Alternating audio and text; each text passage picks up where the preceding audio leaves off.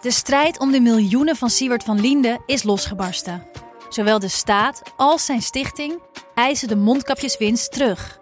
Maar dat die opbrengst in ieder geval niet thuis hoort bij Van Linde, daarover kan toch eigenlijk geen twijfel bestaan. Hoe kon het zo ver komen? Dit is het. We hebben beet. En als Siewert het geld teruggeeft, kunnen wij dit schandaal dan eindelijk loslaten? Je hoort het in de Mondkapjesmiljonairs, exclusief bij Podimo. Ga naar podimo.nl/slash mondkapjes.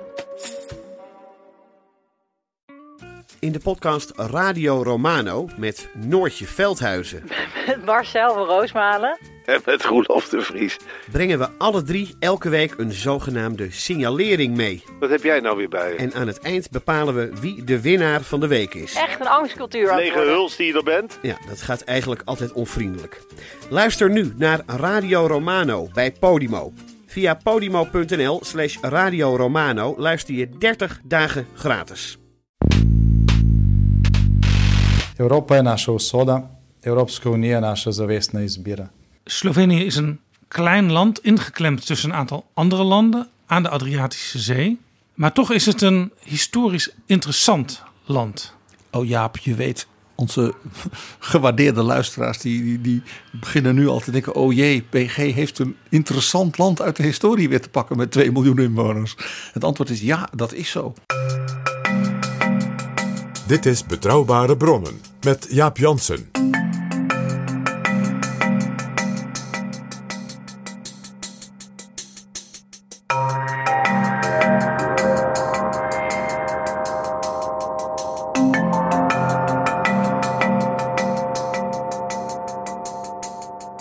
Hallo, welkom in Betrouwbare Bronnen, aflevering 198 en welkom ook PG. Dag Jaap. Voordat we beginnen, heet ik eerst onze nieuwe vrienden van de show welkom. Vrienden van de show zijn luisteraars die met een donatie deze podcast mede mogelijk maken. De nieuwe vrienden van de afgelopen dagen zijn Joost, Helmich, Jan, Noor, Peter, Herman en Erwin. Bedankt voor jullie hartelijke gift. Wil jij ook met een donatie vriend van de show worden? Heel graag. Ga dan naar vriendvandeshow.nl slash bb. En deze link staat ook in de beschrijving van deze aflevering. Dit is Betrouwbare Bronnen. PG, op Radio 1 vragen ze altijd aan Kees Boonman... waar gaan we het deze keer niet over hebben? We gaan het deze keer niet echt hebben over het CDA en Pieter Omtzigt. Want, PG, ik vond dat jij het eigenlijk op allerlei radiostations... al heel goed verteld hebt de afgelopen dagen. Dankjewel. Wat jouw visie is op eh, de situatie in het CDA rondom Pieter Omtzigt... waar nu zijn vertrek bij is gekomen. Misschien kun je er voor onze luisteraars die dat niet gehoord hebben... bij Radio 1, de Nieuwsbv, bij BNR, de Friday Move... of bij Radio 1 met het oog op morgen... heel kort iets over zeggen, maar echt heel kort. Dat doe ik graag. Eh, nou nee, ik doe het niet graag. Dat snap je ook. Ehm, ten eerste, eh, ook de luisteraars van Betrouwbare Bronnen kunnen niet doen zoals heel veel mensen in de media en ook in de CDA zelf trouwens deden, alsof ze verbijsterd en verbaasd en geschrokken waren.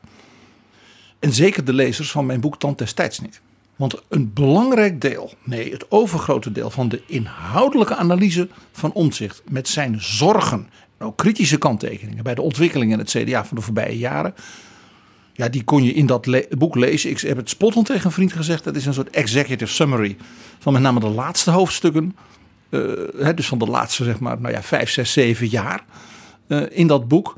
En nou ja, wij hebben zelf een keer, Jaap, een editie gedaan van onze podcast over wisselingen in het leiderschap van het CDA. En dat hebben we zelfs de term, het is altijd weer een drama. Ja, en in de laatste podcast waar het CDA uitgebreid aan de orde kwam... dat was aflevering 195, waar ook Menno Hurenkamp te gast was... van de W.R.D. Beckman Stichting, omdat het ging over het CDA en de Partij van de Arbeid... hadden we het erover dat de grote volkspartijen van wel eer... in de eerste plaats, als je het goed bekijkt... eigenlijk geen grote volkspartijen meer te noemen zijn. Zij verenigen niet meer Ze zijn niet meer groot. een doorsnee van de En ze zijn niet meer van het volk zoals vroeger. En een groot probleem wat zij hebben, en dat hebben eigenlijk veel partijen, zeker partijen die al heel lang meedraaien, ze hebben geen eigen eh, doorleefde en door de hele partij gedragen politieke agenda meer. Nou, ze hebben nog wel, eh, vaak ook uit het verleden, eh, eh, grote klassieke zeg maar, thema's Maar ze slagen er niet of nauwelijks in. En daar zat dus ook een deel van, van de zorg en de kritiek van omzicht in. Uh, die zeg maar, voor de 21ste eeuw op een offensieve en ook zeg maar gewoon interessante manier te vertalen. En omzicht klopt zich in zijn stuk wat op de borst dat hij bij onderwerpen waar hij zijn best voor doet, uh, dat nou ja, wel probeerde en dat dat ook veel weerklank kreeg. Ik vind ook dat omzicht daarin ook wel enig recht van spreken heeft. Ja.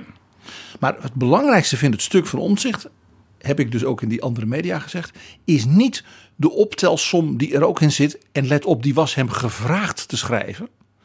Van persoonlijk ongenoegen, dingen dat, waar hij teleurgesteld was, dat hij graag misschien ietsje meer invloed had gehad op paragraaf 37.3 van het verkiezingsprogramma.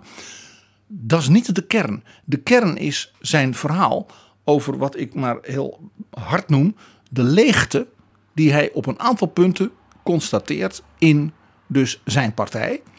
Zeker ook als je dat vergelijkt, wat ik dan altijd graag doe, met de ontwikkeling van de christendemocratische partijen, bijvoorbeeld ook elders in Europa.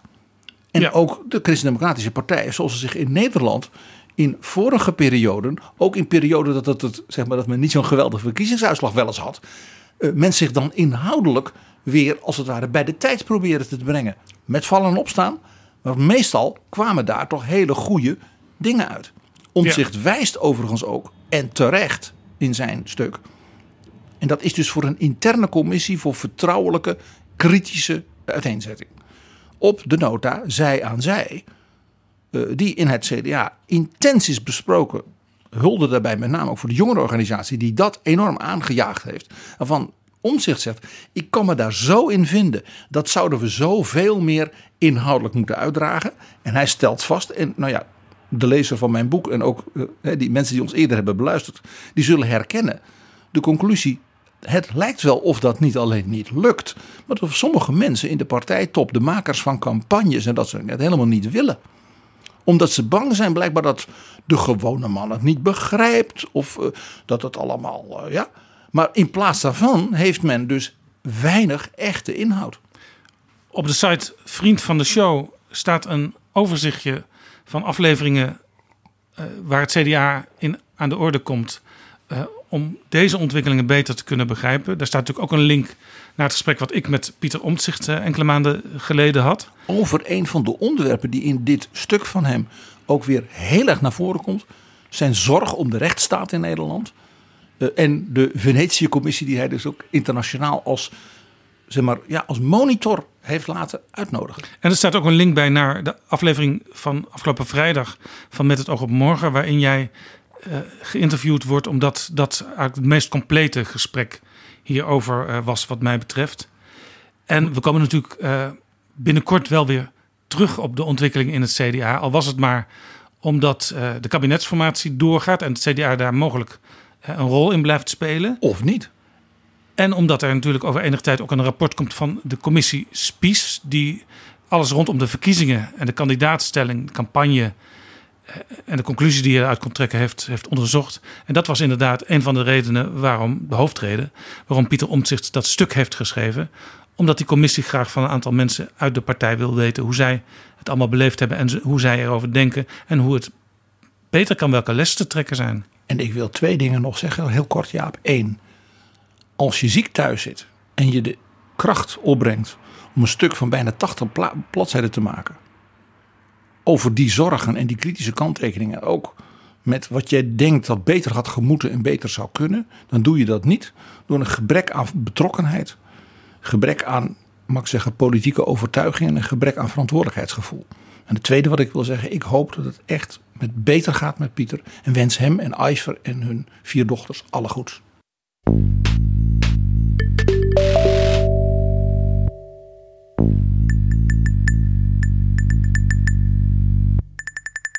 PG, wij gaan het in deze aflevering hebben over de nieuwe voorzitter van de Europese Unie per 1 juli. En dat is Slovenië. Ja, Jaap, het is weer zover. Elk half jaar doen wij dat. Want elk half jaar is er weer een nieuw land, lidstaat van de Unie, dat het voorzitterschap van al die ministerraden en al die vergaderingen op zich neemt. En voor Slovenië is het wel iets bijzonders. Het is namelijk voor een land dat tot de nieuwe, nieuwere leden behoort, hè, in de Balkan, om het maar zo te zeggen, de tweede keer dat zij het voorzitterschap uh, op zich nemen. Ja, ze waren het al in 2008. En dat is heel vroeg voor een land dat in 2004 al pas lid werd. Ja, het is misschien ook wel tekenend voor Slovenië, want Slovenië is een relatief welvarend land. Was het al toen het binnenkwam in de Europese Unie in 2004. Ze konden daarom ook al in 2007 toetreden tot de eurozone. Dat is echt heel erg snel. En tegelijkertijd tot het Schengengebied. En daarmee behoort Slovenië dus, als je kijkt naar de landen uh, zeg maar van Midden- en Oost-Europa en richting de Balkan. Dus tot de landen die al tot zeg maar, het hart van de sterk geïntegreerde samenwerkende lidstaten behoort. Ja, het is een klein land. Het ligt aan de Adriatische Zee, een beetje tussen Oostenrijk, Italië, Kroatië en Hongarije in. Het heeft iets meer dan 2 miljoen inwoners. Dat is eigenlijk vergelijkbaar met in Nederland de provincie Gelderland.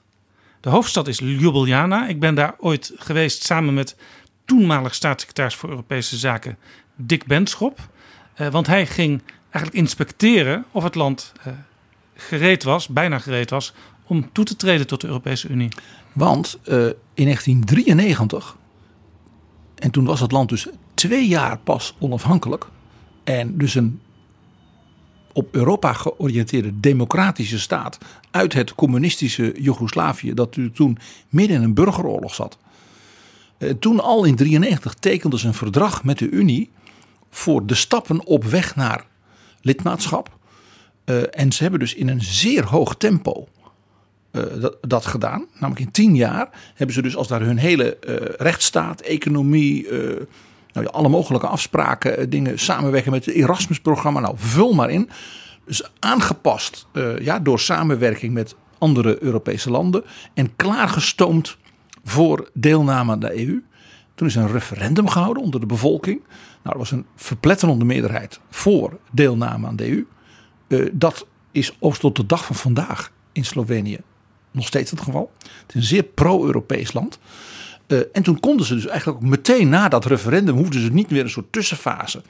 Dus in uh, eh, 2004 werden ze dus volledig lid en gingen dus versneld door Schengen, euro en dergelijke. Ze komen dus uit het communistische Joegoslavië.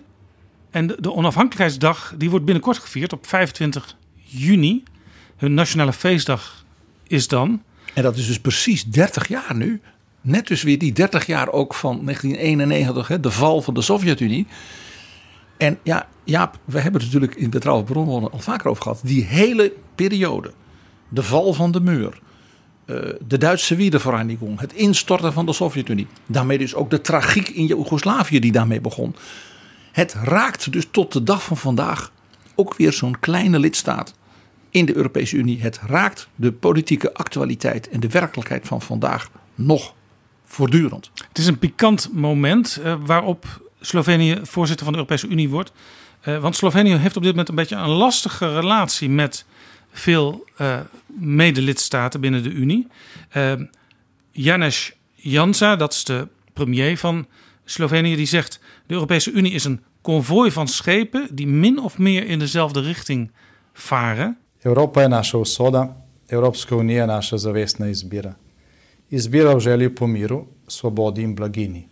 Maar er is wel het een en ander aan de hand onder zijn premierschap. Hij is voor de derde keer premier. Zijn partij heet de, de SDS, is in het Europees Parlement lid van de Europese Volkspartij, waar ook het CDA in zit. Maar de ontwikkeling van zijn leiderschap is een beetje vergelijkbaar met die van Orbán, de premier van Hongarije. Hij heeft een anti-migratieagenda, ook anti-islam. Hij behoort niet tot uh, de landen die het klimaat een belangrijk probleem vinden en daar een uh, stevige agenda voor ontwikkelen. En hij is ook een beetje vergelijkbaar met uh, Donald Trump. Hij uh, twittert de godganse dag. Hij, hij, wordt ook generaal Twito genoemd. Dit is voor de fijnproevers generaal Tito. Was natuurlijk de baas vroeger hè, in de communistische tijd. Ja, en een van zijn uh, meest fameuze tweets is een steuntweet aan Trump. Die natuurlijk de verkiezingen in Amerika uh, gewonnen had.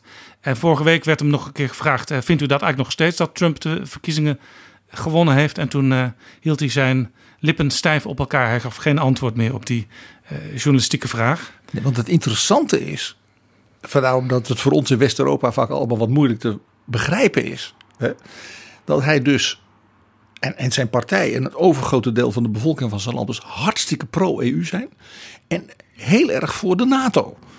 Die beide, en dat heeft natuurlijk te maken met die geschiedenis van dat land, zoals altijd alles daarmee te maken heeft, van als wij als klein landje in die Balkan eh, net als in ons gesprek met Judith Varga, de rechterhand van Orbán. Hongarije uiteindelijk ook een klein landje. Tussen die machten, hè, de Osmanen van vroeger, de tsaar en dat rijke, sterke Duitsland en de keizer in Wenen. Dan worden we verzwolgen. Dus als wij niet aan de ene kant onze nationale eh, identiteit sterk houden. En tegelijkertijd als we vrienden hebben die ons kunnen beschermen. Nou, dan zijn we daarvoor. En helemaal mooi als we vanuit Brussel dan ook nog wat, wat geld kunnen krijgen om onze economie eh, te verbeteren.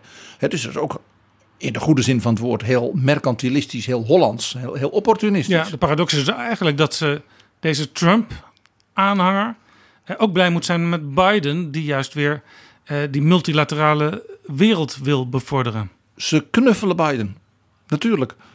Omdat die het dreigen van Trump, dan stap ik dus nooit zelf uit de NATO. Nou, een koude siddering ging natuurlijk door een land als Slovenië. Ja, nog even een paar voorbeelden waarin Janes Jansa op Orbán eh, lijkt.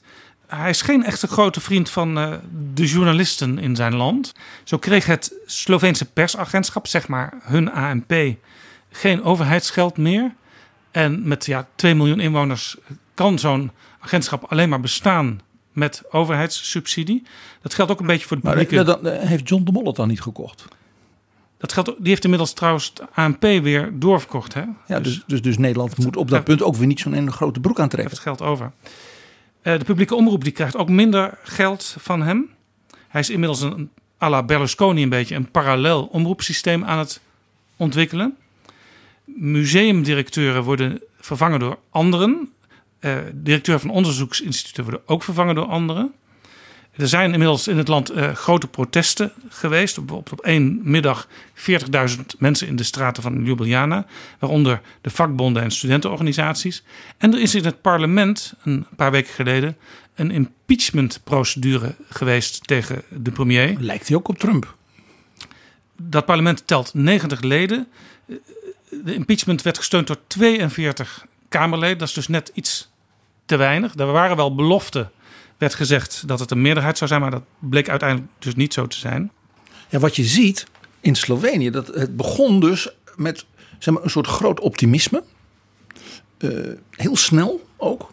En dat had ermee te maken dat met name ook Helmut Kool en Oostenrijk zeiden: Slovenië heeft eh, uit de historie, en daar gaan we het nog wel over hebben, Jaap, zoveel verbinding, eh, cultureel. Ja, zelfs ondanks het communisme, eh, eh, economisch en ook qua ligging eh, met zeg maar Zuid-Duits Europa, Beieren, Tirol, Burgenland. Als wij hen hartelijk benaderen, zoals ze dat ook dus met Hongaren hebben gedaan, dan komt dat goed. En Slovenië werd zelfs das Musterländchen genoemd. Het voorbeeldlandje. Van het idee als die, als die Slovenen laten zien hoe mooi je dat kunt doen. Hè, dus ook snel in die euro, hè, snel in Schengen. Dan is dat inspirerend voor de Balten, voor Polen, voor de Tsjechen, voor de Hongaren. Dat was het idee.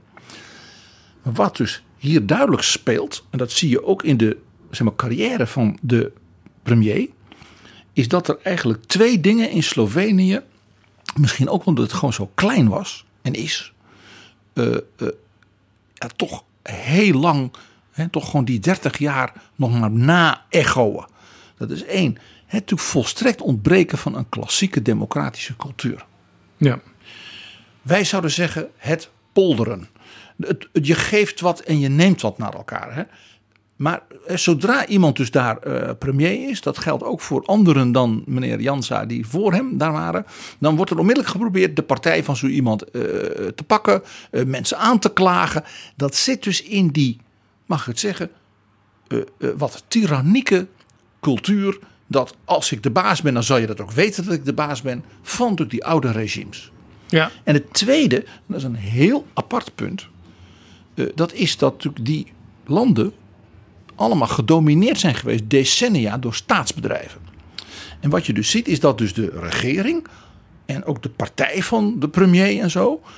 Een beetje zoals je ook bij Poetin zag en zoals we in een vorige editie over de ontwikkeling onder Yeltsin in Rusland zagen. Het idee hebben, ja, die, die, die bedrijven en de bazen daarvan en het kapitaal daarvan en de inkomsten daarvan, die zijn ook eigenlijk wel een beetje van ons. Dus dat zit heel erg zeg maar, in de geschiedenis, de cultuur van die landen. En dat zie je dus ook in Slovenië. Dat van voorbeeldlandje, gericht op, op zeg maar, Zuid- en West-Europa, langzaam is weggeschoven van een zeg maar, pro-Duitse oriëntatie, toch vooral, naar een meer wat ze dan noemen Visegrad-landen. Hè, dus de premier van Slovenië zegt ook: Ik begrijp de Polen, de Tsjechen, eh Orbán veel beter dan jullie. Laat mij nou ook een soort brugfunctie vervullen. Eh, tegelijkertijd zegt hij dat tegen Orbán: Ik kan nog wel een beetje voor jou pleiten, maar dan moeten jouw staatsbedrijven wel in mijn staatsbedrijven investeren. Want dat zie je dus ook gebeuren. Ja, ja. En dat hoort dus, dat is toch een onderdeel van die, mag ik het zeggen, deels communistisch, deels Balkancultuur. En in dat opzicht kun je dus zeggen, ja, dat, is dan, eh, dat vinden wij natuurlijk maar niks. Want wij zijn hier natuurlijk allemaal heel eh, keurig en zuiver in West-Europa. Dat weet iedereen. Dat vinden we vooral ook zelf. Eh, maar dan ga je het wel een beetje begrijpen. Ja, dat is ook de reden dat hij. We gaan het straks over het voorzitterschap en de agenda hebben. Maar dat, dat hij binnen dat half jaar van dat voorzitterschap. de uitbreiding van de Europese Unie. met uiteindelijk zes landen uit de West-Balkan wil pushen. Hij heeft een paar hele interessante, dus zeg maar, zwaartepunten in, die, in dat half jaar. Nou, zoals we elk jaar dat hè, van het nieuwe land van het voorzitterschap behandelen, zijn die van Slovenië buitengewoon extra interessant daarom. Mag je nog één wat meer persoonlijk element aanstippen, wat je nooit moet vergeten als je dus naar mensen als deze premier Jansa kijkt. Hij lijkt op een bepaalde manier ook op Angela Merkel, op president Klaus Johannis van Roemenië, op Donald Tusk uit Polen en ook dus op Viktor Orbán. Maar dat zijn hele verschillende mensen, hele verschillende Heel politici. verschillende, maar ze hebben één ding allemaal gemeen. Zij komen dus uit een generatie die dus in dat communistische regime zijn opgegroeid. Sommige daarvan, zoals Donald Tusk eh, en ook Viktor Orbán, een beetje wilde jonge studentenleider die af en toe de gevangenis ingesmeten werd. Ja, opstandelingen tijdens het oude regime. rebellen die ombouw zichzelf als ware opnieuw hebben moeten uitvinden. Zoals je wil het van Angela Merkel ook zo interessant weten. En zeker ook van president Klaus Johannis. En laat ik zeggen, dat dus die rebellenkant en dat die afkeer van dat communisme op allerlei manieren dus nog doorklinkt. En vandaar dus de voor ons, zeker ook als Nederlanders, als West-Europese, Atlantisch denkende Europeanen, zo moeilijk te begrijpen combinatie van soms nationalistisch, populistisch, soms gewoon echt keihard rechts. Met leven de EU, we willen meer Europa.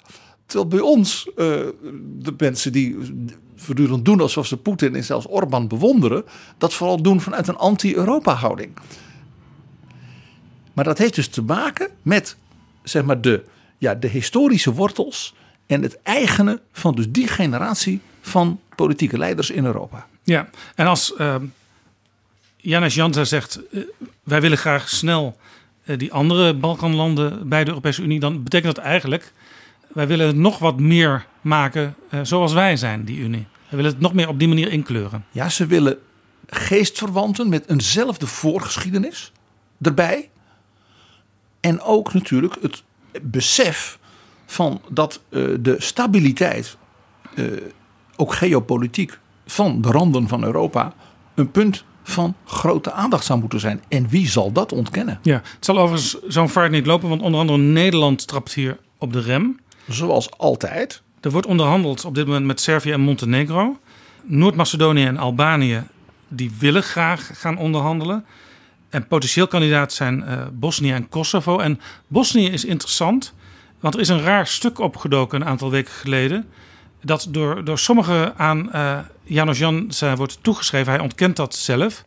Maar het is een verhaal dat Bosnië zou moeten worden opgedeeld. eh, een stukje naar Servië, stukje naar Kroatië. En de moslims die eh, mo- mogen dan nog kiezen of hun gebied eh, misschien aan zou sluiten bij Turkije. En er zijn mensen die zeggen, ja, dat is eigenlijk typisch een Jansa-stuk, ook al ontkent hij het. Zou ook heel erg eh, van Trump hebben kunnen komen als Trump in Europa, eh, in, in Slovenië had gewoond. Het is vooral verschrikkelijk ouderwets. In de zin van, het is leuk dat je hierop wijst. Dit heeft heel veel te maken met de ontwikkeling van wat men noemde nationaliteiten in het Habsburgse keizerrijk in de 19e eeuw.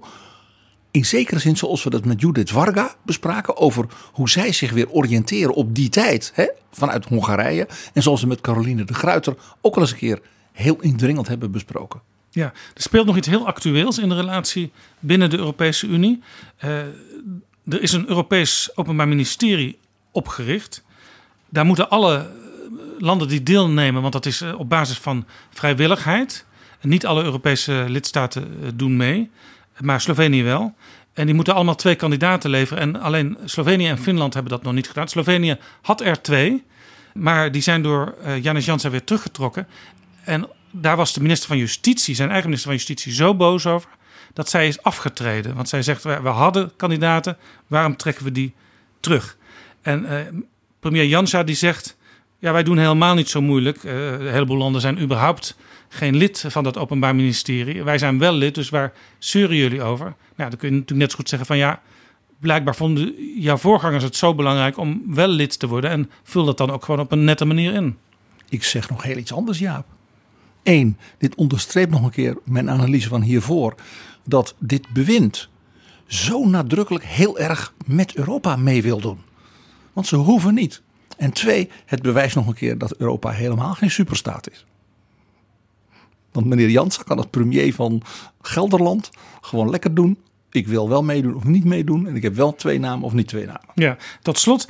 Hij heeft uh, geen goede relatie met het Europees Parlement op het moment. Er was onlangs een discussie met een uh, commissie onder leiding van Sophie In het Veld, uh, D66-Europarlementariër. En binnen een paar minuten verbrak hij daar digitaal de verbinding. Want hij had geen zin, zei hij, om gecensureerd te worden door mevrouw In het Veld. I've been told that the Prime Minister has disconnected. So I take it that the session was not to his liking. I, uh, I'm sorry he feels that way. En er is nog iets met het Europees Parlement. Er is altijd een kunstexpositie rond het voorzitterschap. En daar weigert de regering van Slovenië ook aan mee te werken. Want de samenstelling gebeurt vanuit het parlement.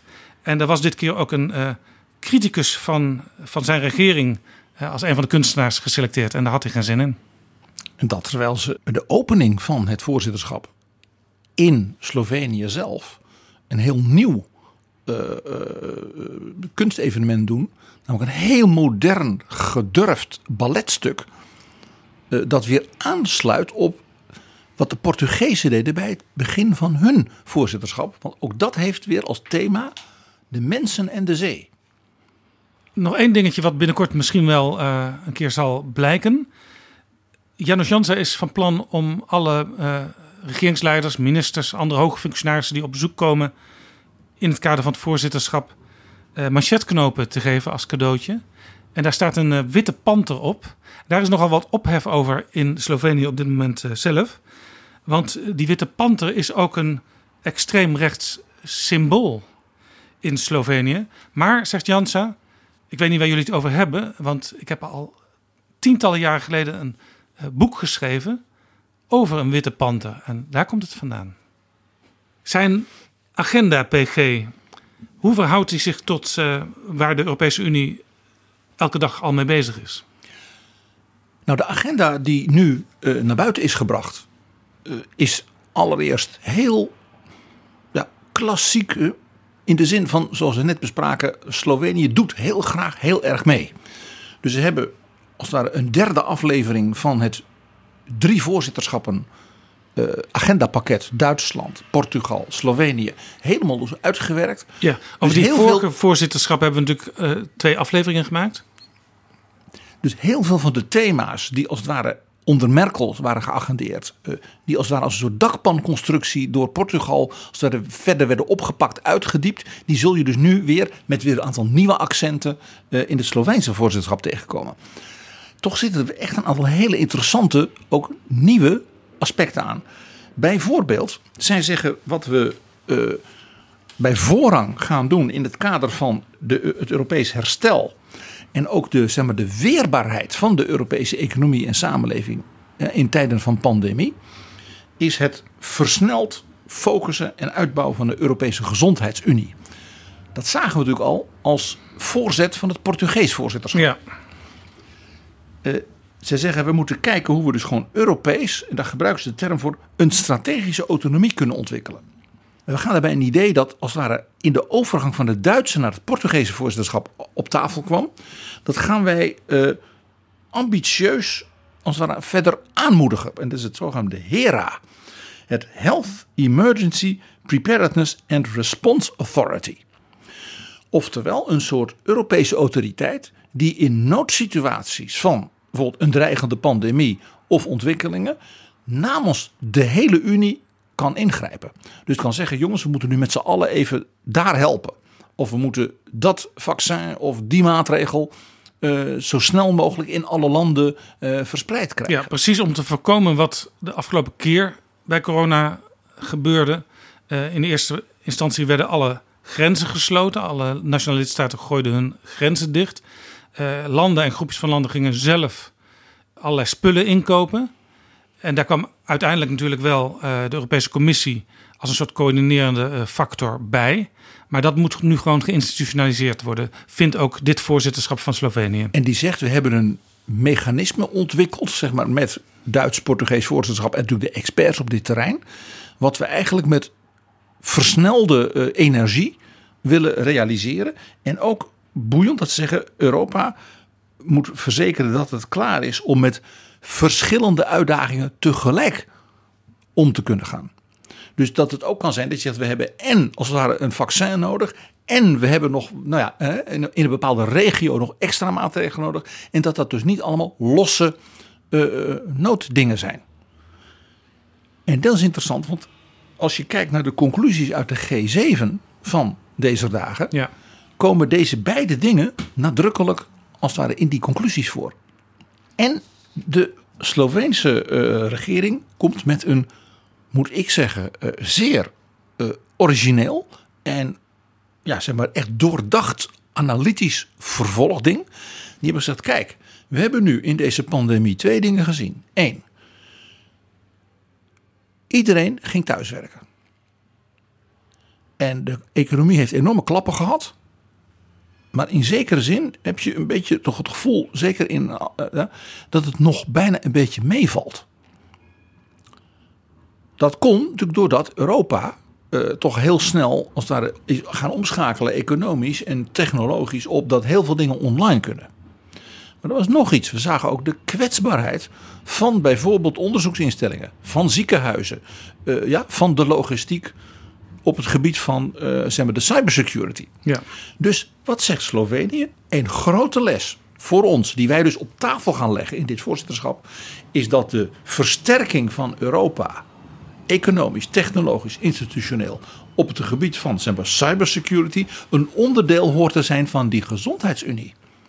Je kunt geen gezondheidsunie in Europa maken als je dus niet alle gezondheidsgerelateerde organisaties, als ook het kunnen werken van mensen veilig in bijvoorbeeld de thuisomgeving, verzekert. Ja, dat moet dus allemaal integraal worden aangepakt. En eh, ja, die cybersecurity is natuurlijk een heel belangrijke zaak. eh, die deze week ook aan de orde is eh, in het gesprek bijvoorbeeld van Joe Biden met Vladimir Poetin.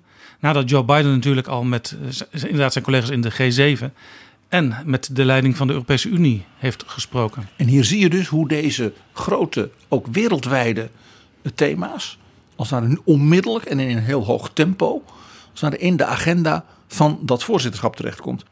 En de, de eindconclusie van zeg maar, deze voorzet van Slovenië is: wij willen een digitale soevereiniteit van Europa. Dus Europa moet zelfstandig kunnen opereren op het gebied van de digitale technologie en toepassingen. En voor de, het ethisch gebruik bij de ontwikkeling van artificial intelligence. Ja, die ethische kant is ook belangrijk. Dat wordt trouwens ook in de nationale lidstaten uh, wordt dit ook aangezwengeld. Hè? Want in Nederland zijn er ook uh, partijen die uh, roepen om bijvoorbeeld de instelling van een minister voor digitale zaken. Het is heel interessant hoe dit soort hele, zeg maar, ja, bijna cutting edge ontwikkelingen door de Slovenen als het ware geïntegreerd worden in zowel dat thema van die ook heel nieuwe zeg maar, Portugese gezondheidsunie en dus die nieuwe ontwikkeling van uh, Digital Europe. Ja, jij zei in het begin uh, van dit gesprek dat uh, de Slovenen een, een, ja, eigenlijk een innige verhouding met de Europese Unie hebben. dit presidentschap, dit voorzitterschap wil ook de toekomst van Europa ja, nadrukkelijk op de agenda zetten. Dat staat natuurlijk al op de agenda, want er is een conferentie over de toekomst van de Europese Unie geopend. En zij vinden die ook heel belangrijk. Ja, ze hebben niet zoiets van, nou we horen wel waar Verhofstadt mee komt. En, uh, het presidium van die club. Ze kondigen aan al meteen bij de start van, de, van deze agenda van het voorzitterschap... dat ze in vroeg september een strategisch forum gaan organiseren. Waarbij ze eigenlijk alle organisaties van zeg maar de Europese instituties... maar ook de civil society bij elkaar gaan roepen... En ze zeggen wij verwachten daarbij de, zeg maar, de fractieleiders uit het Europees Parlement. Want we willen vaststellen daar wat zijn nou de echte grote prioriteiten. Dat doen ze in Bled. Dat is een stad uh, die prachtig gelegen is aan uh, ja, hele grote meren. Want uh, een van de toch wel bijzondere dingen van Slovenië is dat het beroemd is om zijn landschappelijke schoonheden. Zowel in de Alpen als de karstgebieden, een heel apart soort geologie.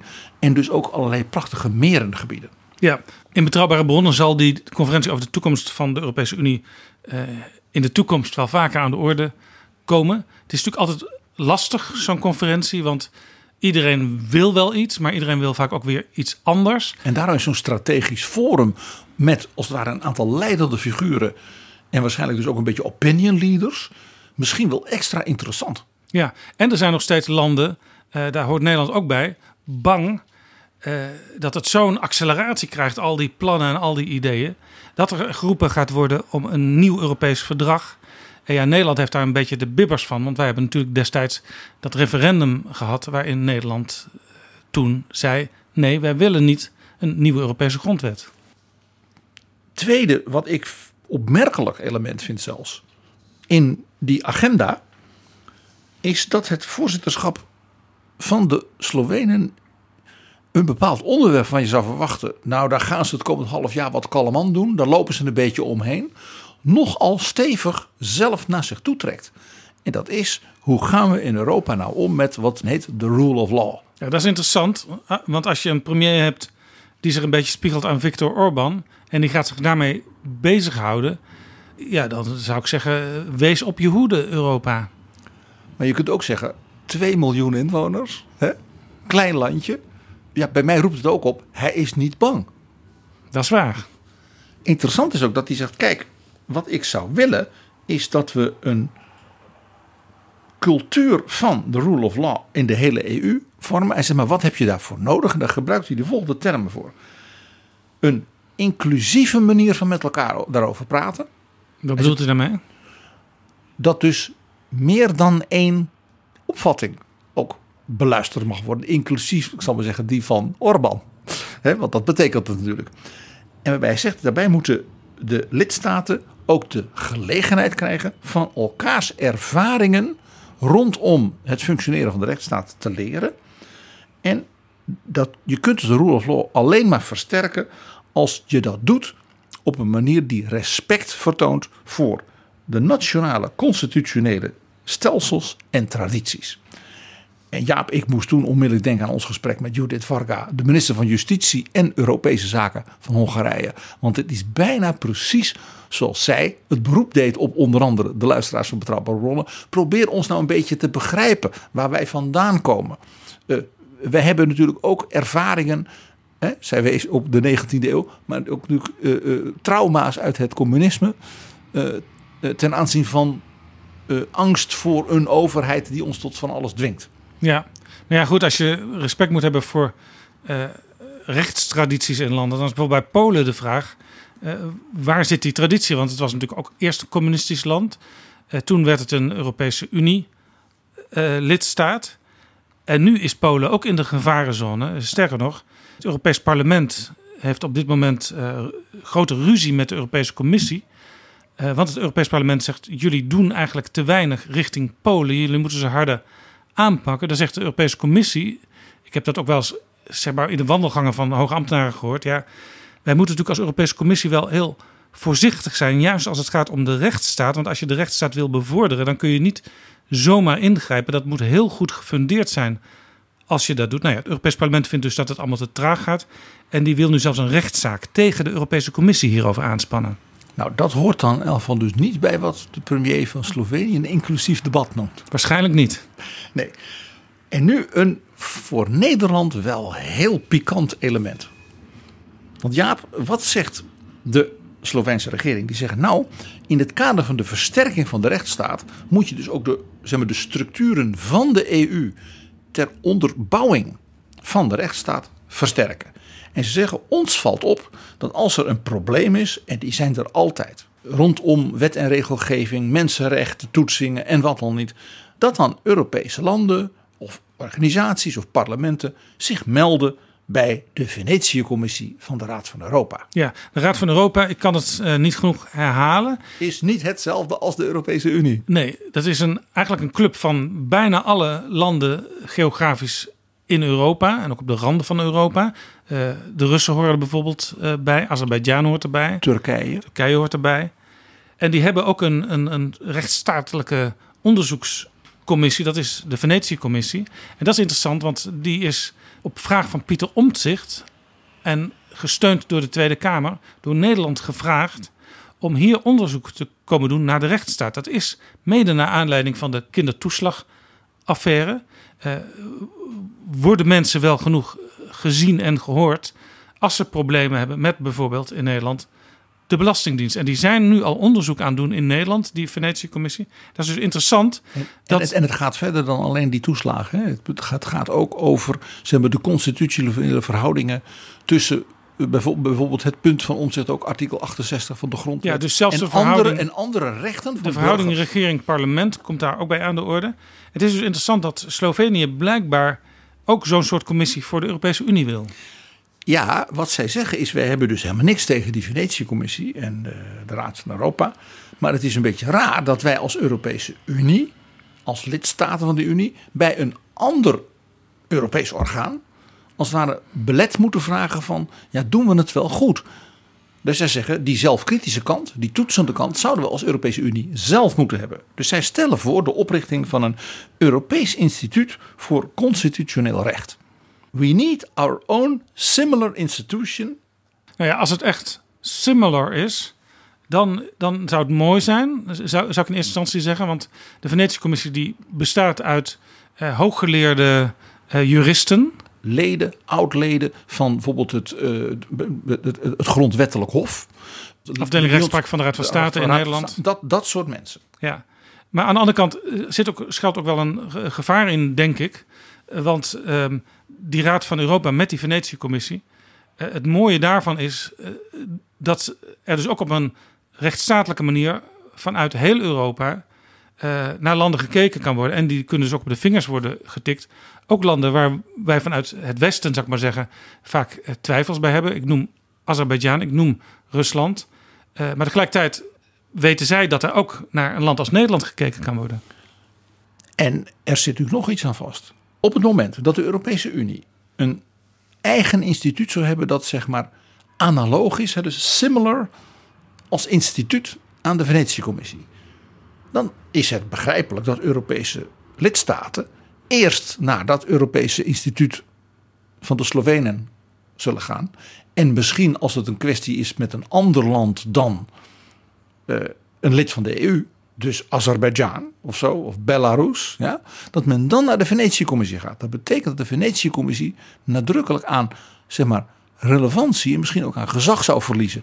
En dat is misschien niet zo'n goed idee. Nee, waar we toch al politiek problemen hebben, en ook qua mensenrechten en dergelijke, eh, met landen als Rusland, met Belarus, moeten we zorgen dat die lijnen open blijven. En sterker nog, dat er ook een soort van eh, respect is voor het gezag van zo'n Venetië-commissie. En ik zeg er nog iets bij.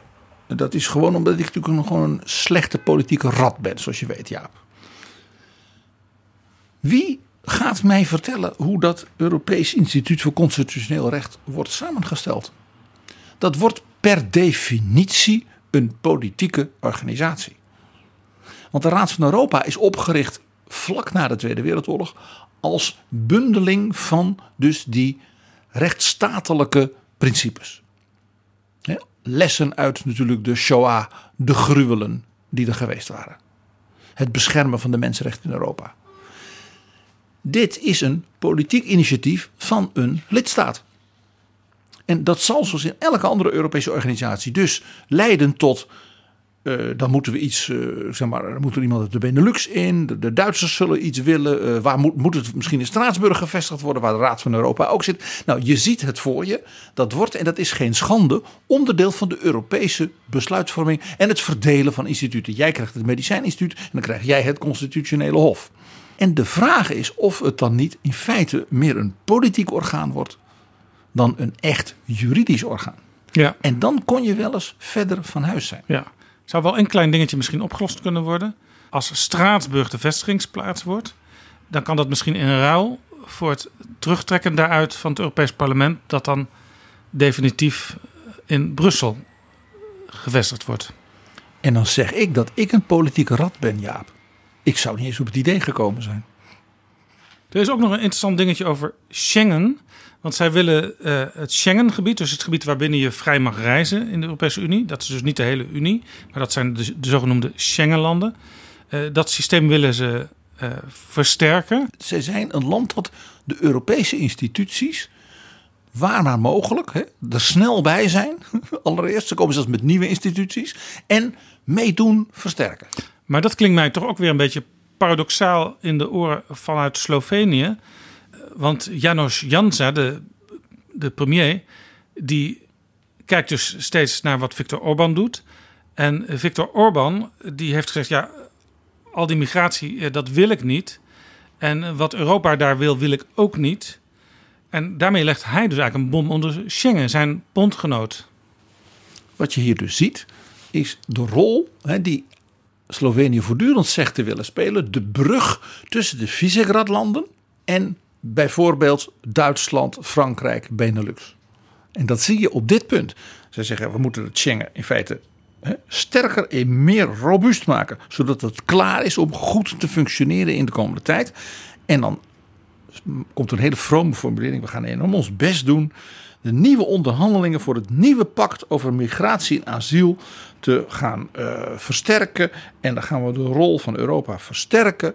En die formuleringen zijn dermate banaal dat ik dan als politicus zeg: ze weten al lang dat ze hier aan het doodpaard trekken. Ja, dit is interessant, want uh, zoals altijd in de politiek zijn er natuurlijk verschillende belangen die meespelen in zo'n voorzitterschap. Je hebt ook gewoon het thuisbelang hè, van hoe komen wij over op onze eigen kiezers, die ons uh, als het even kan weer moeten gaan herkiezen.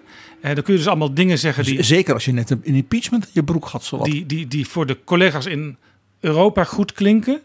Uh, je kunt dingen zeggen die voor jouw eigen achterban uh, goed klinken. En soms kun je dat allebei zeggen. En dan weet je ook dat, omdat bijvoorbeeld een land als Hongarije toch alweer dwars gaat liggen bij bepaalde initiatieven, dat het allemaal zo vaart uh, niet zal lopen. En dat je er dus uiteindelijk nationaal weinig pijn van zal lijden binnen dat half jaar. En daarom is het dus des te interessanter dat de Sloveense regering het toch zo nadrukkelijk noemt. Dus ze willen wel kijken, we gaan een aantal stappen vooruit proberen te zetten. Nou, kortom, we hadden, het zijn dus vier zeg maar, hoofdpunten, zoals ze die ook hebben geformuleerd. En eigenlijk bij elk van die vier vind ik dus, uh, als je even goed ernaar kijkt, een beetje krapt aan de teksten, er soms heel verrassende uh, elementen in zitten en ook echt heel nieuwe initiatieven. En wat ik dus vanuit zeg maar, een ja, politiek analytisch uh, oogpunt vind ik hun verbinding van de gezondheidsunie met de digitale ontwikkeling en zeg maar, cybersecurity absoluut een heel vernieuwend accent. Jaap Jansen en Pieter Gerrit Kroeger duiken in de politieke geschiedenis. PG, zoals ik in het begin van deze aflevering al zei, Slovenië is een klein land ingeklemd tussen een aantal andere landen, aan de Adriatische Zee. Maar toch is het een historisch interessant land. Oh Jaap, je weet, onze gewaardeerde luisteraars die, die, die, beginnen nu al te denken: oh jee, PG heeft een interessant land uit de historie weer te pakken met 2 miljoen inwoners. Het antwoord is ja, dat is zo. Eh, de geschiedenis van, van Slovenië en vooral ook de, de werelden om Slovenië heen en de rollen die je daarin speelde zijn soms zo actueel, soms zo interessant en ook zo weer dat je dan toch misschien ook weer beter begrijpt hè, van waaruit nou de Slovenen in het Europa van de 21e eeuw zijn wie ze zijn. Het is eigenlijk Slovenië vanaf zijn vroegste historie een grensland. Want het ligt in de historie, geografisch en cultureel, al door op een, in een driehoek en daar in het midden. Een driehoek tussen de volkeren, culturen van de Balkan, de, de grote cultuur, ook uit het oude Rome van Italië. En ja, zeg maar de Alpen, dus Beieren, Oostenrijk, Tirol en het Duitse gebied. En Slovenië zit er precies tussen die drie. Maar het is meer dan dat. Het zit ook geografisch, dus op een grens van van alles, namelijk de zee. Jij wees al op de Adriatische Zee. Het is het enige kleine stukje zee waar dus dat enorm Habsburgse Rijk van Midden-Europa zijn eigen haven had. Dus om die reden was het voor het Habsburgse Rijk al een heel belangrijk punt. Ongelooflijk strategisch. Ik zal daar zo een paar voorbeelden van geven. Dan heb je dus ook nog de Alpen, waar het als het ware aan die zuidkant zit. Dus de bergpassen, wat natuurlijk altijd in vroegere eeuwen, hè, zowel voor de tol, voor de inkomsten, voor de handel, als natuurlijk voor de bedreiging, voor invasie en verdediging essentieel was. Daar zaten die Slovenen letterlijk bovenop. En Slovenië had eigenlijk een soort, soort open gat vanuit Slovenië. Zuid om de Alpen heen. Richting zeg maar de Pusta. Dus richting de Donau. En daarmee, ja, daar begint uh, als het ware dat open gebied van Europa. Dus Hongarije, Oekraïne tot in China. Die hele grote vlakte waar de Mongolen met hun paardjes ook altijd waarom ze heel Rusland konden veroveren. Dat begint dus in Slovenië. Dan is er nog een derde driehoek waar ze in zitten. Dat is een culturele driehoek. Namelijk Rome. Zowel het Romeinse Rijk als natuurlijk de Rooms-Katholieke Kerk. De Rooms-Katholieke traditie. Ja. Waar Slovenië bij hoort. Ja. Maar Slovenië was natuurlijk in de middeleeuwen het grensgebied waar ook gevochten werd met de Osmanen He, Bosnië is het buurland en dat is in belangrijke mate een moslimland tot de dag van vandaag. En in de 16e eeuw was Slovenië een centrum van het nieuwe protestantisme. Ja. Dus de scheuring in, in uh, katholiek Europa tussen katholiek en protestant en dus de bedreiging, ja, de, het grensgebied zijn van de islam, van het Turkse bewind, raakte dus ook weer dat kleine stukje land precies daar gelegen. Ja, op dit moment noemt 57% van de inwoners zich uh, Rooms-Katholiek. Uh, de, de katholieke kerk zegt over zelf dat het 80% is. Maar mij viel op in een soort volkstelling die is gehouden... dat er best een groot deel is, ik geloof iets van 30% van de mensen... die helemaal niks meer invult bij, uh, als om hun godsdienst gevraagd wordt. Dit die nou, zin lijkt ja, het wel een beetje op West-Europa. Ja, nu redeneer je toch echt als een Hollander. Het is een communistisch land geweest, decennia, waarbij dus de godsdienst bestreden werd. Dus het feit dat een grote meerderheid van de bevolking zich katholiek noemt, is heel bijzonder. Want bijvoorbeeld in de DDR of in Tsjechië uh, uh, is dat heel anders. In Polen was het katholicisme natuurlijk de nationale identiteit tegen het communisme. Dus je moet dit soort dingen, dit soort cijfers, nooit als West-Europeaan gaan zitten interpreteren. Nee, maar het neemt wel af. En uh, dat wordt ook toegeschreven, juist ook aan uh, de samenbindende factor die het nog was in de overgang van het communisme naar uh, de democratie. En nu het eenmaal 30 jaar democratie, 30 jaar onafhankelijk is, is die samenbindende factor als zodanig niet meer nodig.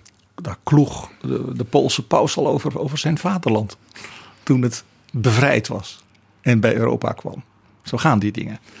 Nou, die drie driehoeken, politieke machtsgebieden, geografisch en cultureel en ook hè, in de religies van vroegere eeuwen, En op elk van die drie is dus dat kleine Slovenië precies zo'n soort draaipunt. En dan snap je het al. Jij zei al, dat was dus voor die Habsburgers belangrijk. Het was superbelangrijk.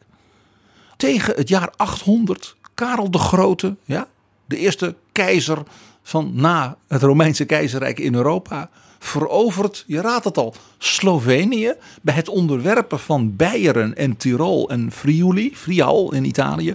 En dan dat Slovenië neemt hij meteen ook in. Precies om die strategische positie. En zo werd dus dit gebied dat eerst eigenlijk door ja, wat wilde stammen, zal ik maar zeggen, uh, werd bewoond. De Longobarden, de Beieren, dat waren toen wilde stammen, later ook Slavische volkeren. Deel dus van dat Duits-Franse katholieke Europa. Ja, het is dus niet een stukje land wat je er even bij neemt, maar het heeft wel degelijk eh, grote betekenis. Ja, het werd ook na die verovering door Karel de Grote een onafhankelijke ja, hertogdom. Het was natuurlijk niet een staat zoals we het nu kennen, maar het had een onafhankelijke positie. Wat je ook wel snapt, want ja, die wegen naar de zee voor de handel. Dan heb je die wegen over de, over de Alpen, dat is dus ook tollen. Dus ja, als jij daar hertog van was, dan kon je jezelf wel handhaven. Mits je niet met je buren heel veel ruzie maakt natuurlijk. Nou, dat hertogdom dat heette Krain. De hoofdstad heette Krainburg. Weet je wat het woord Krain betekent? Grens. Is dat waar we nu nog ook de Kraïna van kennen? Kraïna, zoals het delen daarvan in Joegoslavië heten. Maar in het Latijn heette het dus al die eeuwen Carniola. En dan moet jij even denken, oh ja, in Oostenrijk, ja. Kärnten, Carinthië. Ja, en dat is weer een deel van Oostenrijk waar ook bijzonder veel Slovenen wonen. En daar zijn zelfs hele delen waar Sloveens gewoon een erkende tweede taal is. Hier zie je dus ook dus dat dat idee uit de 19e eeuw van nationale staten, zoals het kleine Slovenië. Dus ik wil niet zeggen verzinsels zijn, maar wel bedacht zijn.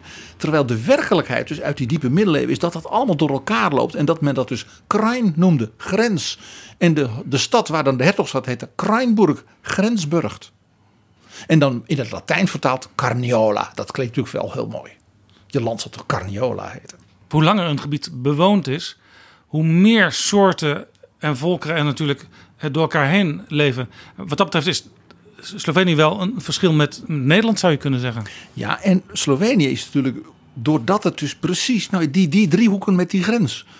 Dat betekende dus dat er voortdurend mensen van elders daar kwamen. En dus ook culturele invloeden en volkeren. En, en waardoor het dus ook, ik zal er straks ook iets over vertellen, op allerlei terreinen. Dus een buitengewoon interessant en spannend land wordt. Want het was dus ook een ontmoetingsplek daarmee. Nou, in de 14e, 15e eeuw uh, stierven de hertogen daar hè, in Krainburg dan toch uit.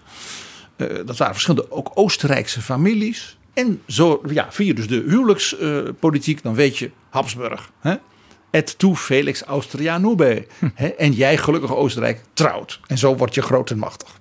En dat was voor Habsburg cruciaal. Jij wees er net al op.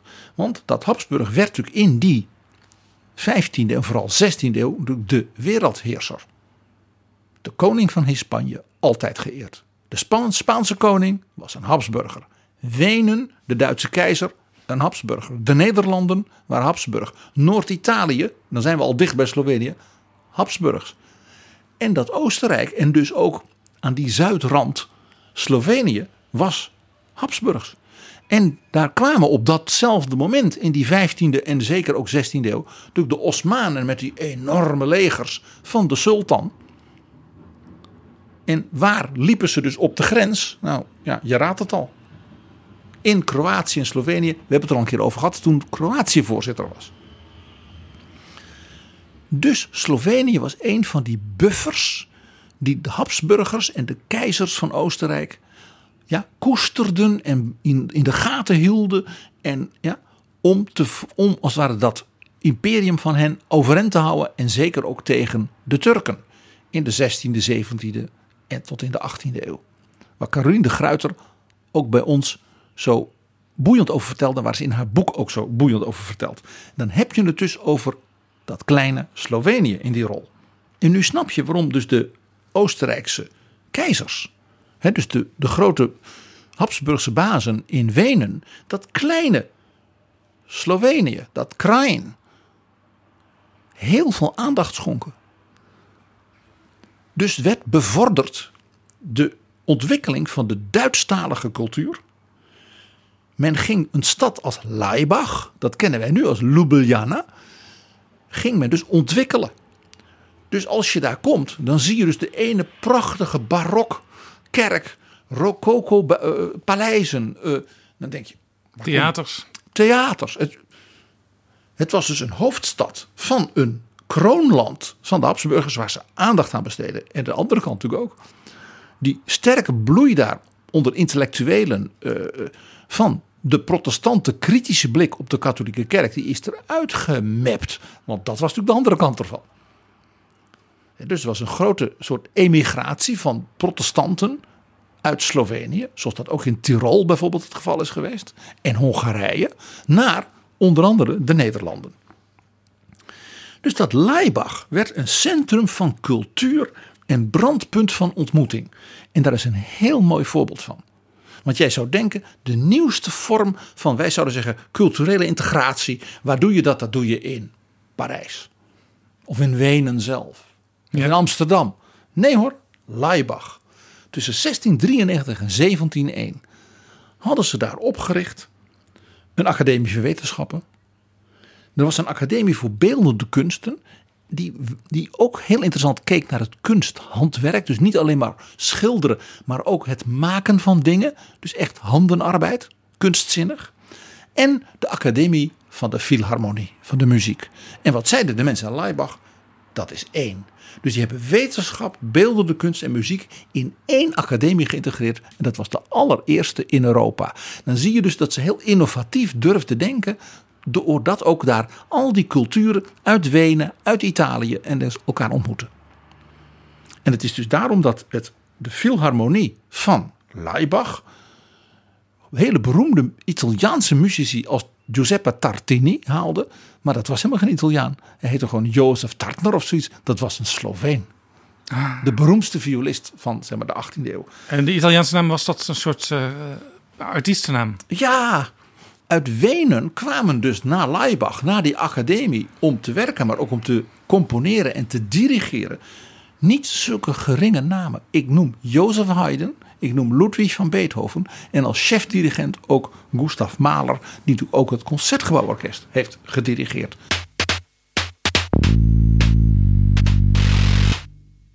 Er is iets wat Slovenië met Nederland deelt ons land en Slovenië zijn beide onderdeel geweest van twee grote ambitieuze imperia. Eerste dus van de koningen van Hispanje en het tweede van l'empereur die we onlangs behandelden. Napoleon. Napoleon. Want Napoleon heeft, en dat is natuurlijk weer de strateeg Napoleon, precies dat stukje Oostenrijk. Nadat hij de Habsburgse legers had verslagen met Noord-Italië, wat hij al had veroverd, samengevoegd. Toen heette dat de Republiek Illyrië, langs dus de kust hè, bij Triest. Met die haven, dat werd Frans. En ineens werd dus Slovenië een soort Franse republiek, waar dus het Frans en het Italiaans uh, dus bestuurlijk en politiek dominant werd. Kreeg Leibach toen ook weer een andere naam? Nee. Oh. Dat is pas later gebeurd. Want je denkt, dat Ljubljana, waar komt dat nou vandaan? Nou, met het vertrek van de Fransen was natuurlijk wel het zaadje geplant van ja, republikeins denken, de Franse revolutie, net als bij ons. Het jaar 1848 is ook voor Slovenië een cruciaal land.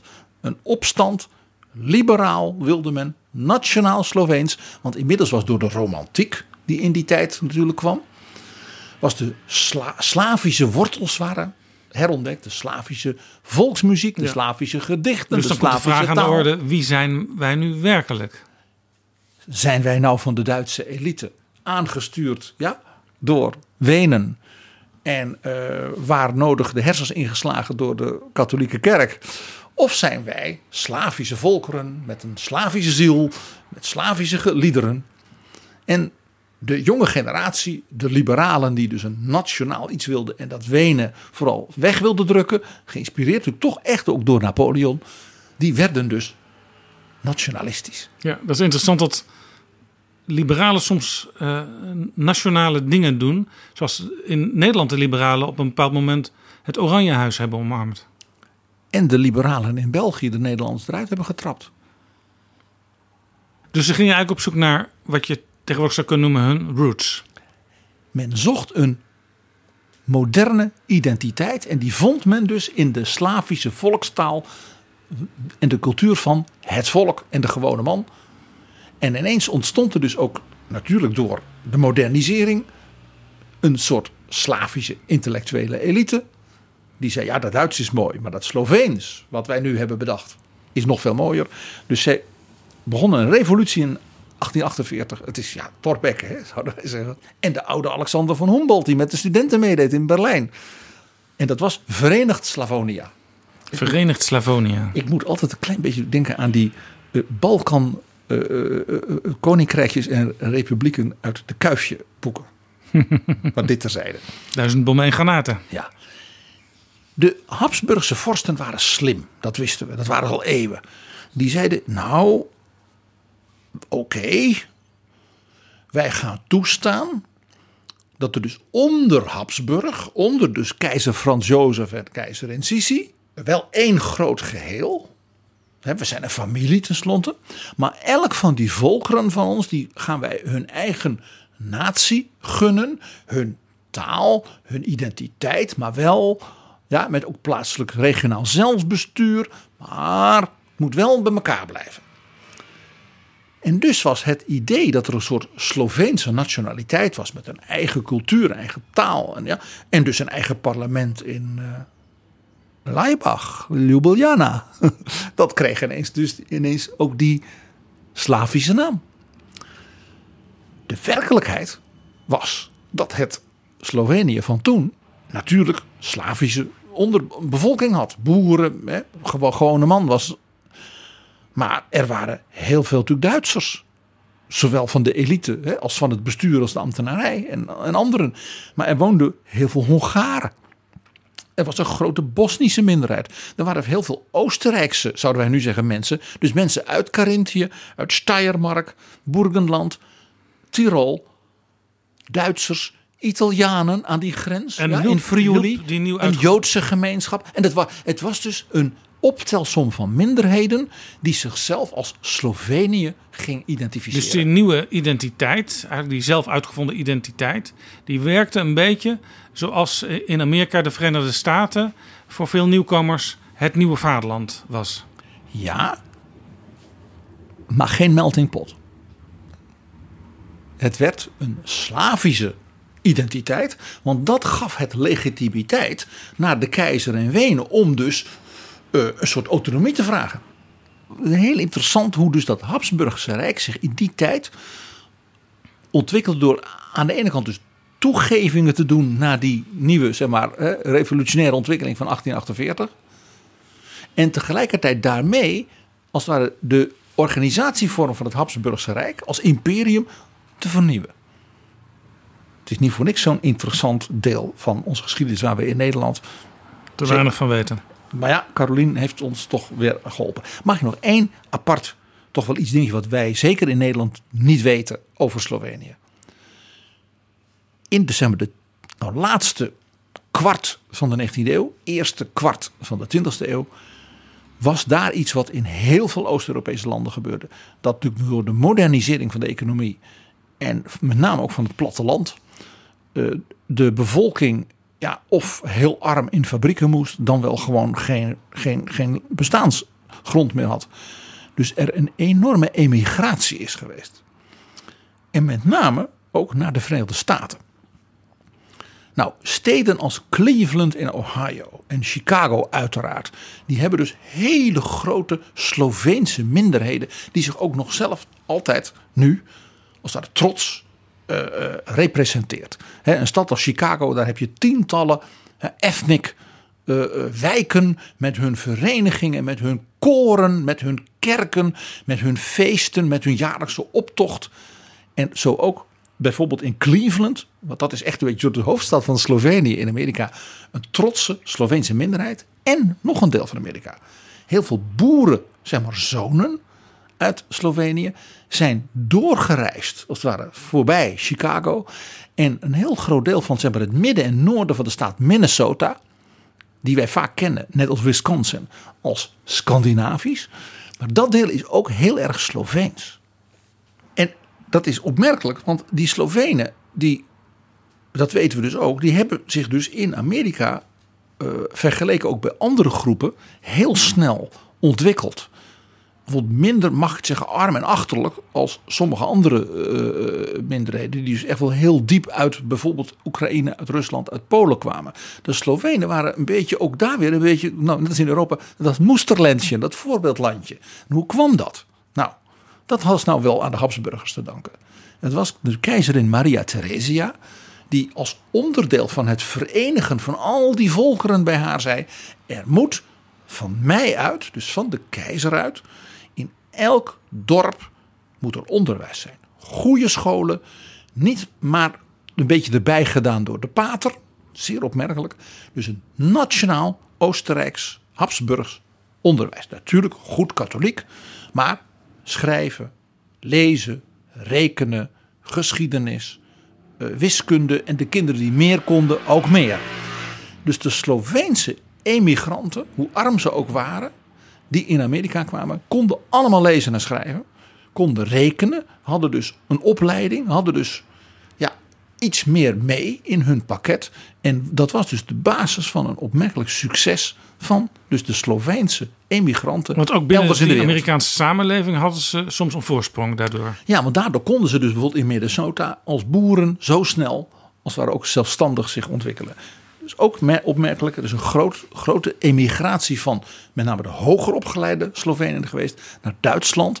Dus naar de Duitse industrie, de Duitse universiteiten en dergelijke. En natuurlijk naar de stad Wenen, wat natuurlijk het ja, brandpunt was van al die volkeren van de Habsburgers. Dus daar woonden ook zeg maar, honderdduizenden Slovenen. Ja, en in Europa, waar familieleden achterbleven die niet migreerden, kwam op een gegeven moment ook in de nieuwe eeuw de Eerste Wereldoorlog. Ja, en dat was natuurlijk uh, Habsburg samen met Duitsland en Bulgarije en Turkije tegen Rusland en Frankrijk en Engeland. En dat eindigt natuurlijk met de volledige instorting van het Habsburgse keizerrijk.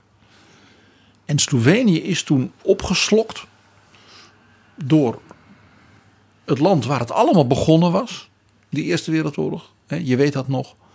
Die Servische zwarte hand terroristen die de, de kroonprins van Habsburg doodschoten in Sarajevo. Dus in het buurland van Slovenië, Bosnië. Kroonprins Frans Ferdinand. Ja.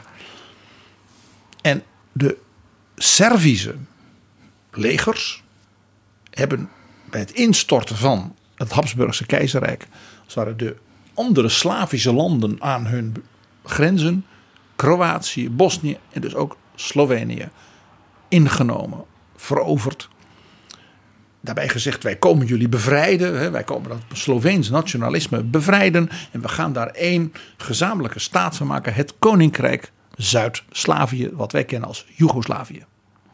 En dat was dus eigenlijk al de, het begin ook een beetje van wat later het communistische Joegoslavië zou worden. Het communistische Joegoslavië is de opvolgingsstaat van dit koninkrijk.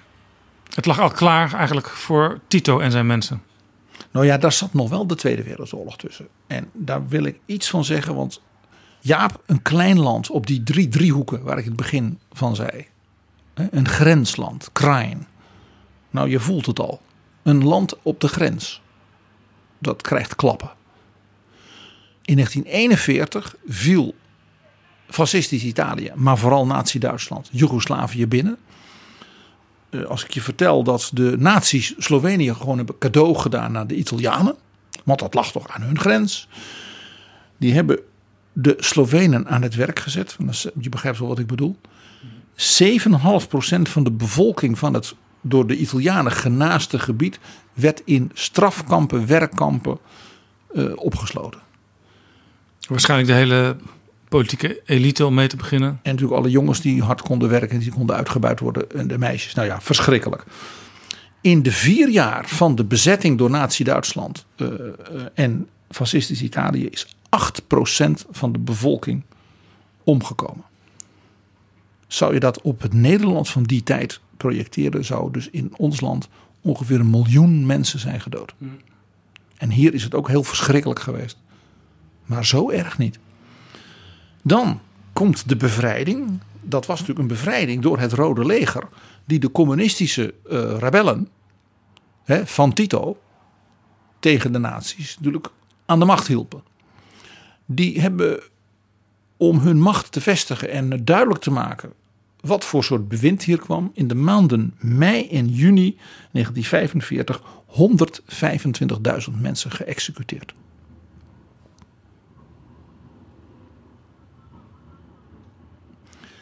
De minderheden van natuurlijk de Duitse boeren die daar natuurlijk vaak al even zaten. De Italianen daar in de bergen van Friuli. Ja, in de Alpen. Die werden dus of gedood of gedeporteerd dan wel, uh, nou ja, dat ze massaal gevlucht zijn. Ik ken daar zelf een verhaal van. Mijn baas in Brussel, Domenico Lenarduzzi, was de zoon van mijnwerkers in Wallonië, die dus toen, hè, dus zijn vader en moeder, gevlucht waren uit Friuli, dus dat Italiaanse grensgebied met Slovenië. Uh, en hij was in die tijd dat ik daar werkte, de voorzitter van de Wereldfederatie van Friuliani in Esteri. Dus de gevluchte, de Friulianen in ballingschap in het buitenland. En het was een wereldfederatie met, nou wat was het, 160 steden in de wereld, van Melbourne tot Seattle. Ja, waar dus mensen die dus hun identiteit als Italianen uit Slovenië op die manier overeind hielden. Ja, nog even een vraag, maar dat vergt waarschijnlijk een aparte aflevering ooit een keer. Het Rode Leger hielp dus Tito aan de macht komen. Maar wij kennen natuurlijk uit de geschiedenisboekjes Joegoslavië als een uh, relatief onafhankelijk socialistisch land. Dat is een apart verhaal. Tito heeft uh, tot woede van Stalin uh, Stalin een beetje verraden. Zo, hè. Hij wou ook niet meedoen aan het Warschau-pact, militair en zo. Maar de beeldvorming hier in Nederland van Joegoslavië als een soort, soort verlicht democratisch arbeiders. Veel jongeren gingen daar in de zomer ook helpen met de aanleg van wegen en zo vanuit Nederland. Het was gewoon een keiharde communistische dictatuur. En alle gruwelen in het Joegoslavië daarna bewijzen dat. Gezien wat dus voor cultuur en van omgang van mensen met elkaar door het communisme daar is achtergelaten als erfenis. Slobodan Milosevic en generaal Mladic zijn niet te begrijpen zonder de wijze waarop het land communistisch is geregeerd. Maar goed, dat is een ander onderwerp. Nou, in 1991 behoorde dus Slovenië nu 30 jaar geleden tot het allereerste groepje dat zei: wij gaan weer voor onszelf. Het hertogdom Krain, hè, grens, kwam weer terug. En kreeg natuurlijk meteen de steun van Helmoet Kool van Oostenrijk. Want die zeiden: zij horen een beetje bij ons. De rest van het verhaal, Jaap, hebben wij natuurlijk hiervoor al gedaan. Hoe Slovenië zichzelf Europees als het ware herontdekte. En dat is toch iets waarvan je alleen maar tegen hen kan zeggen: pak die, die traditie van we horen erbij, we willen er iets moois van maken, vooral weer op.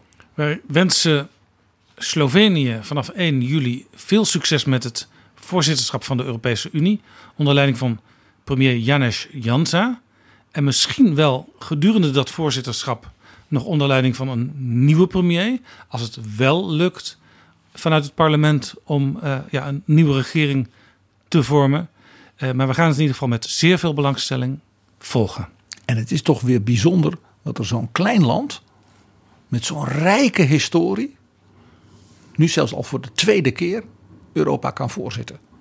Geen superstaat. Dankjewel PG. En je wilde nog een stukje opera laten horen. Nou nee Jaap, ik heb een verhaal een verhaal. En dat heeft niks met Slovenië te maken. Maar alles met onze vorige aflevering. Over ja. Boris Yeltsin. Boris Yeltsin in Texas. We hebben het verhaal gedaan over zijn bezoek in Houston aan die shopping mall en Randall's Grocery. We zijn er inmiddels achter gekomen dat er in de lokale pers van Houston uitgebreid verslag is gedaan. Heel recent. Namelijk in 2020. En waarom was dat? Omdat een plaatselijke componist voor de opera daar een opera heeft geschreven over Yeltsin in Texas. Zo heet die opera ook een komische opera. En die was gebaseerd op de verhalen van de mensen in die buurt over zijn bezoek aan de shoppingmall en aan Randall's. En er zijn ook foto's van de chef van die winkel die die dag moest werken op 16 september 1989. Paul Jurga, dat je hem Yeltsin ziet ontvangen in zijn winkel. Hij kreeg een telefoontje van de NASA. Want Yeltsin was op bezoek op het NASA-hoofdkwartier. Houston, we have a problem. De North American Space Agency. Het LBJ Space Center. Hebben we toch president Lyndon B. Johnson weer kunnen noemen, heer. En binnen 10 minuten, kwartiertje, was Boris Yeltsin. Want die wou kijken, precies wat wij de vorige keer vertelden, er zelf op afgaan. Hoe ziet het eruit? En heeft dus met die mensen in die winkel gepraat. En ze zeiden wat hij het meest bijzonder vond. Dat was de vriesafdeling. Met al die vriesmaaltijden.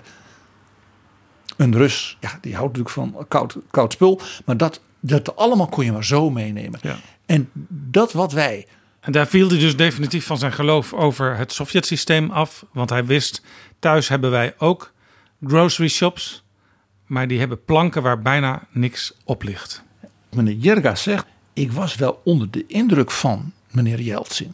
Want hij was niet alleen heel vriendelijk, maar hij was very down to earth this guy. He was very unassuming and very polite. Ook hier weer toch dat wat andere beeld van Boris Yeltsin dan we misschien ook door de latere platen van Boris Yeltsin en de beelden van hem werden zien kregen. En hij zegt hij was heel aardig en hij was geïnteresseerd en hij keek rond. Hij zei wij hebben pas ook veel later begrepen hoe diep emotioneel dat bezoek aan ons winkel voor die man is geweest. Ja, laten we een stukje uit die opera uh, laten horen. En ik heb er foto's van gezien. En daar zie je inderdaad een uh, acteur die Jeltsin speelt. Hij ziet er trouwens eigenlijk niet echt als Jeltsin uit, vind ik. Want hij is veel slanker en uh, heeft een soort ja, wildersachtige pruik op. Maar het is wel net als Jeltsin een grote lange vent. Maar je ziet hem praten met een, inderdaad een doorsnee van de Amerikaanse bevolking op die foto's. Klein stukje uit die opera. I'll tell you without the nice words.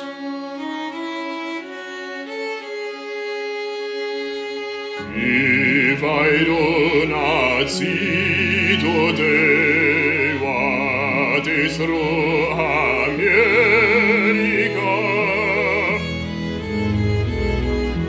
if I do not find real America,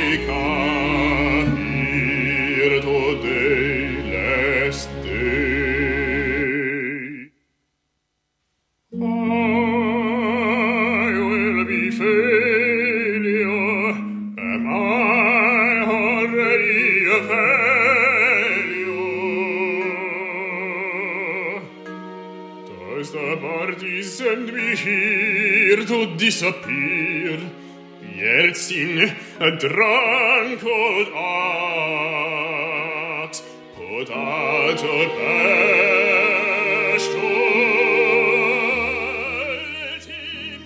Dat was Jeltsin in Texas.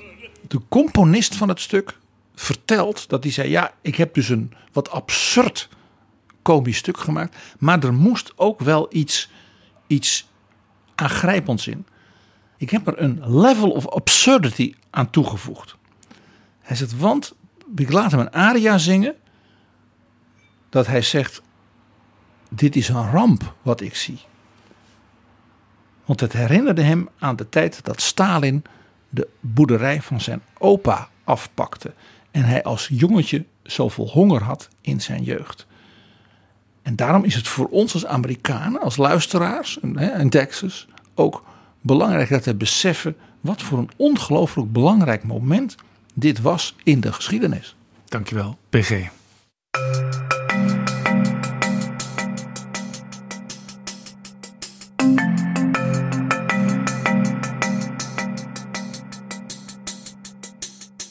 Zo, dit was Betrouwbare Bronnen aflevering 198. Deze aflevering is mede mogelijk gemaakt door de Europese Unie en door de vrienden van de show die ons met een donatie steunen.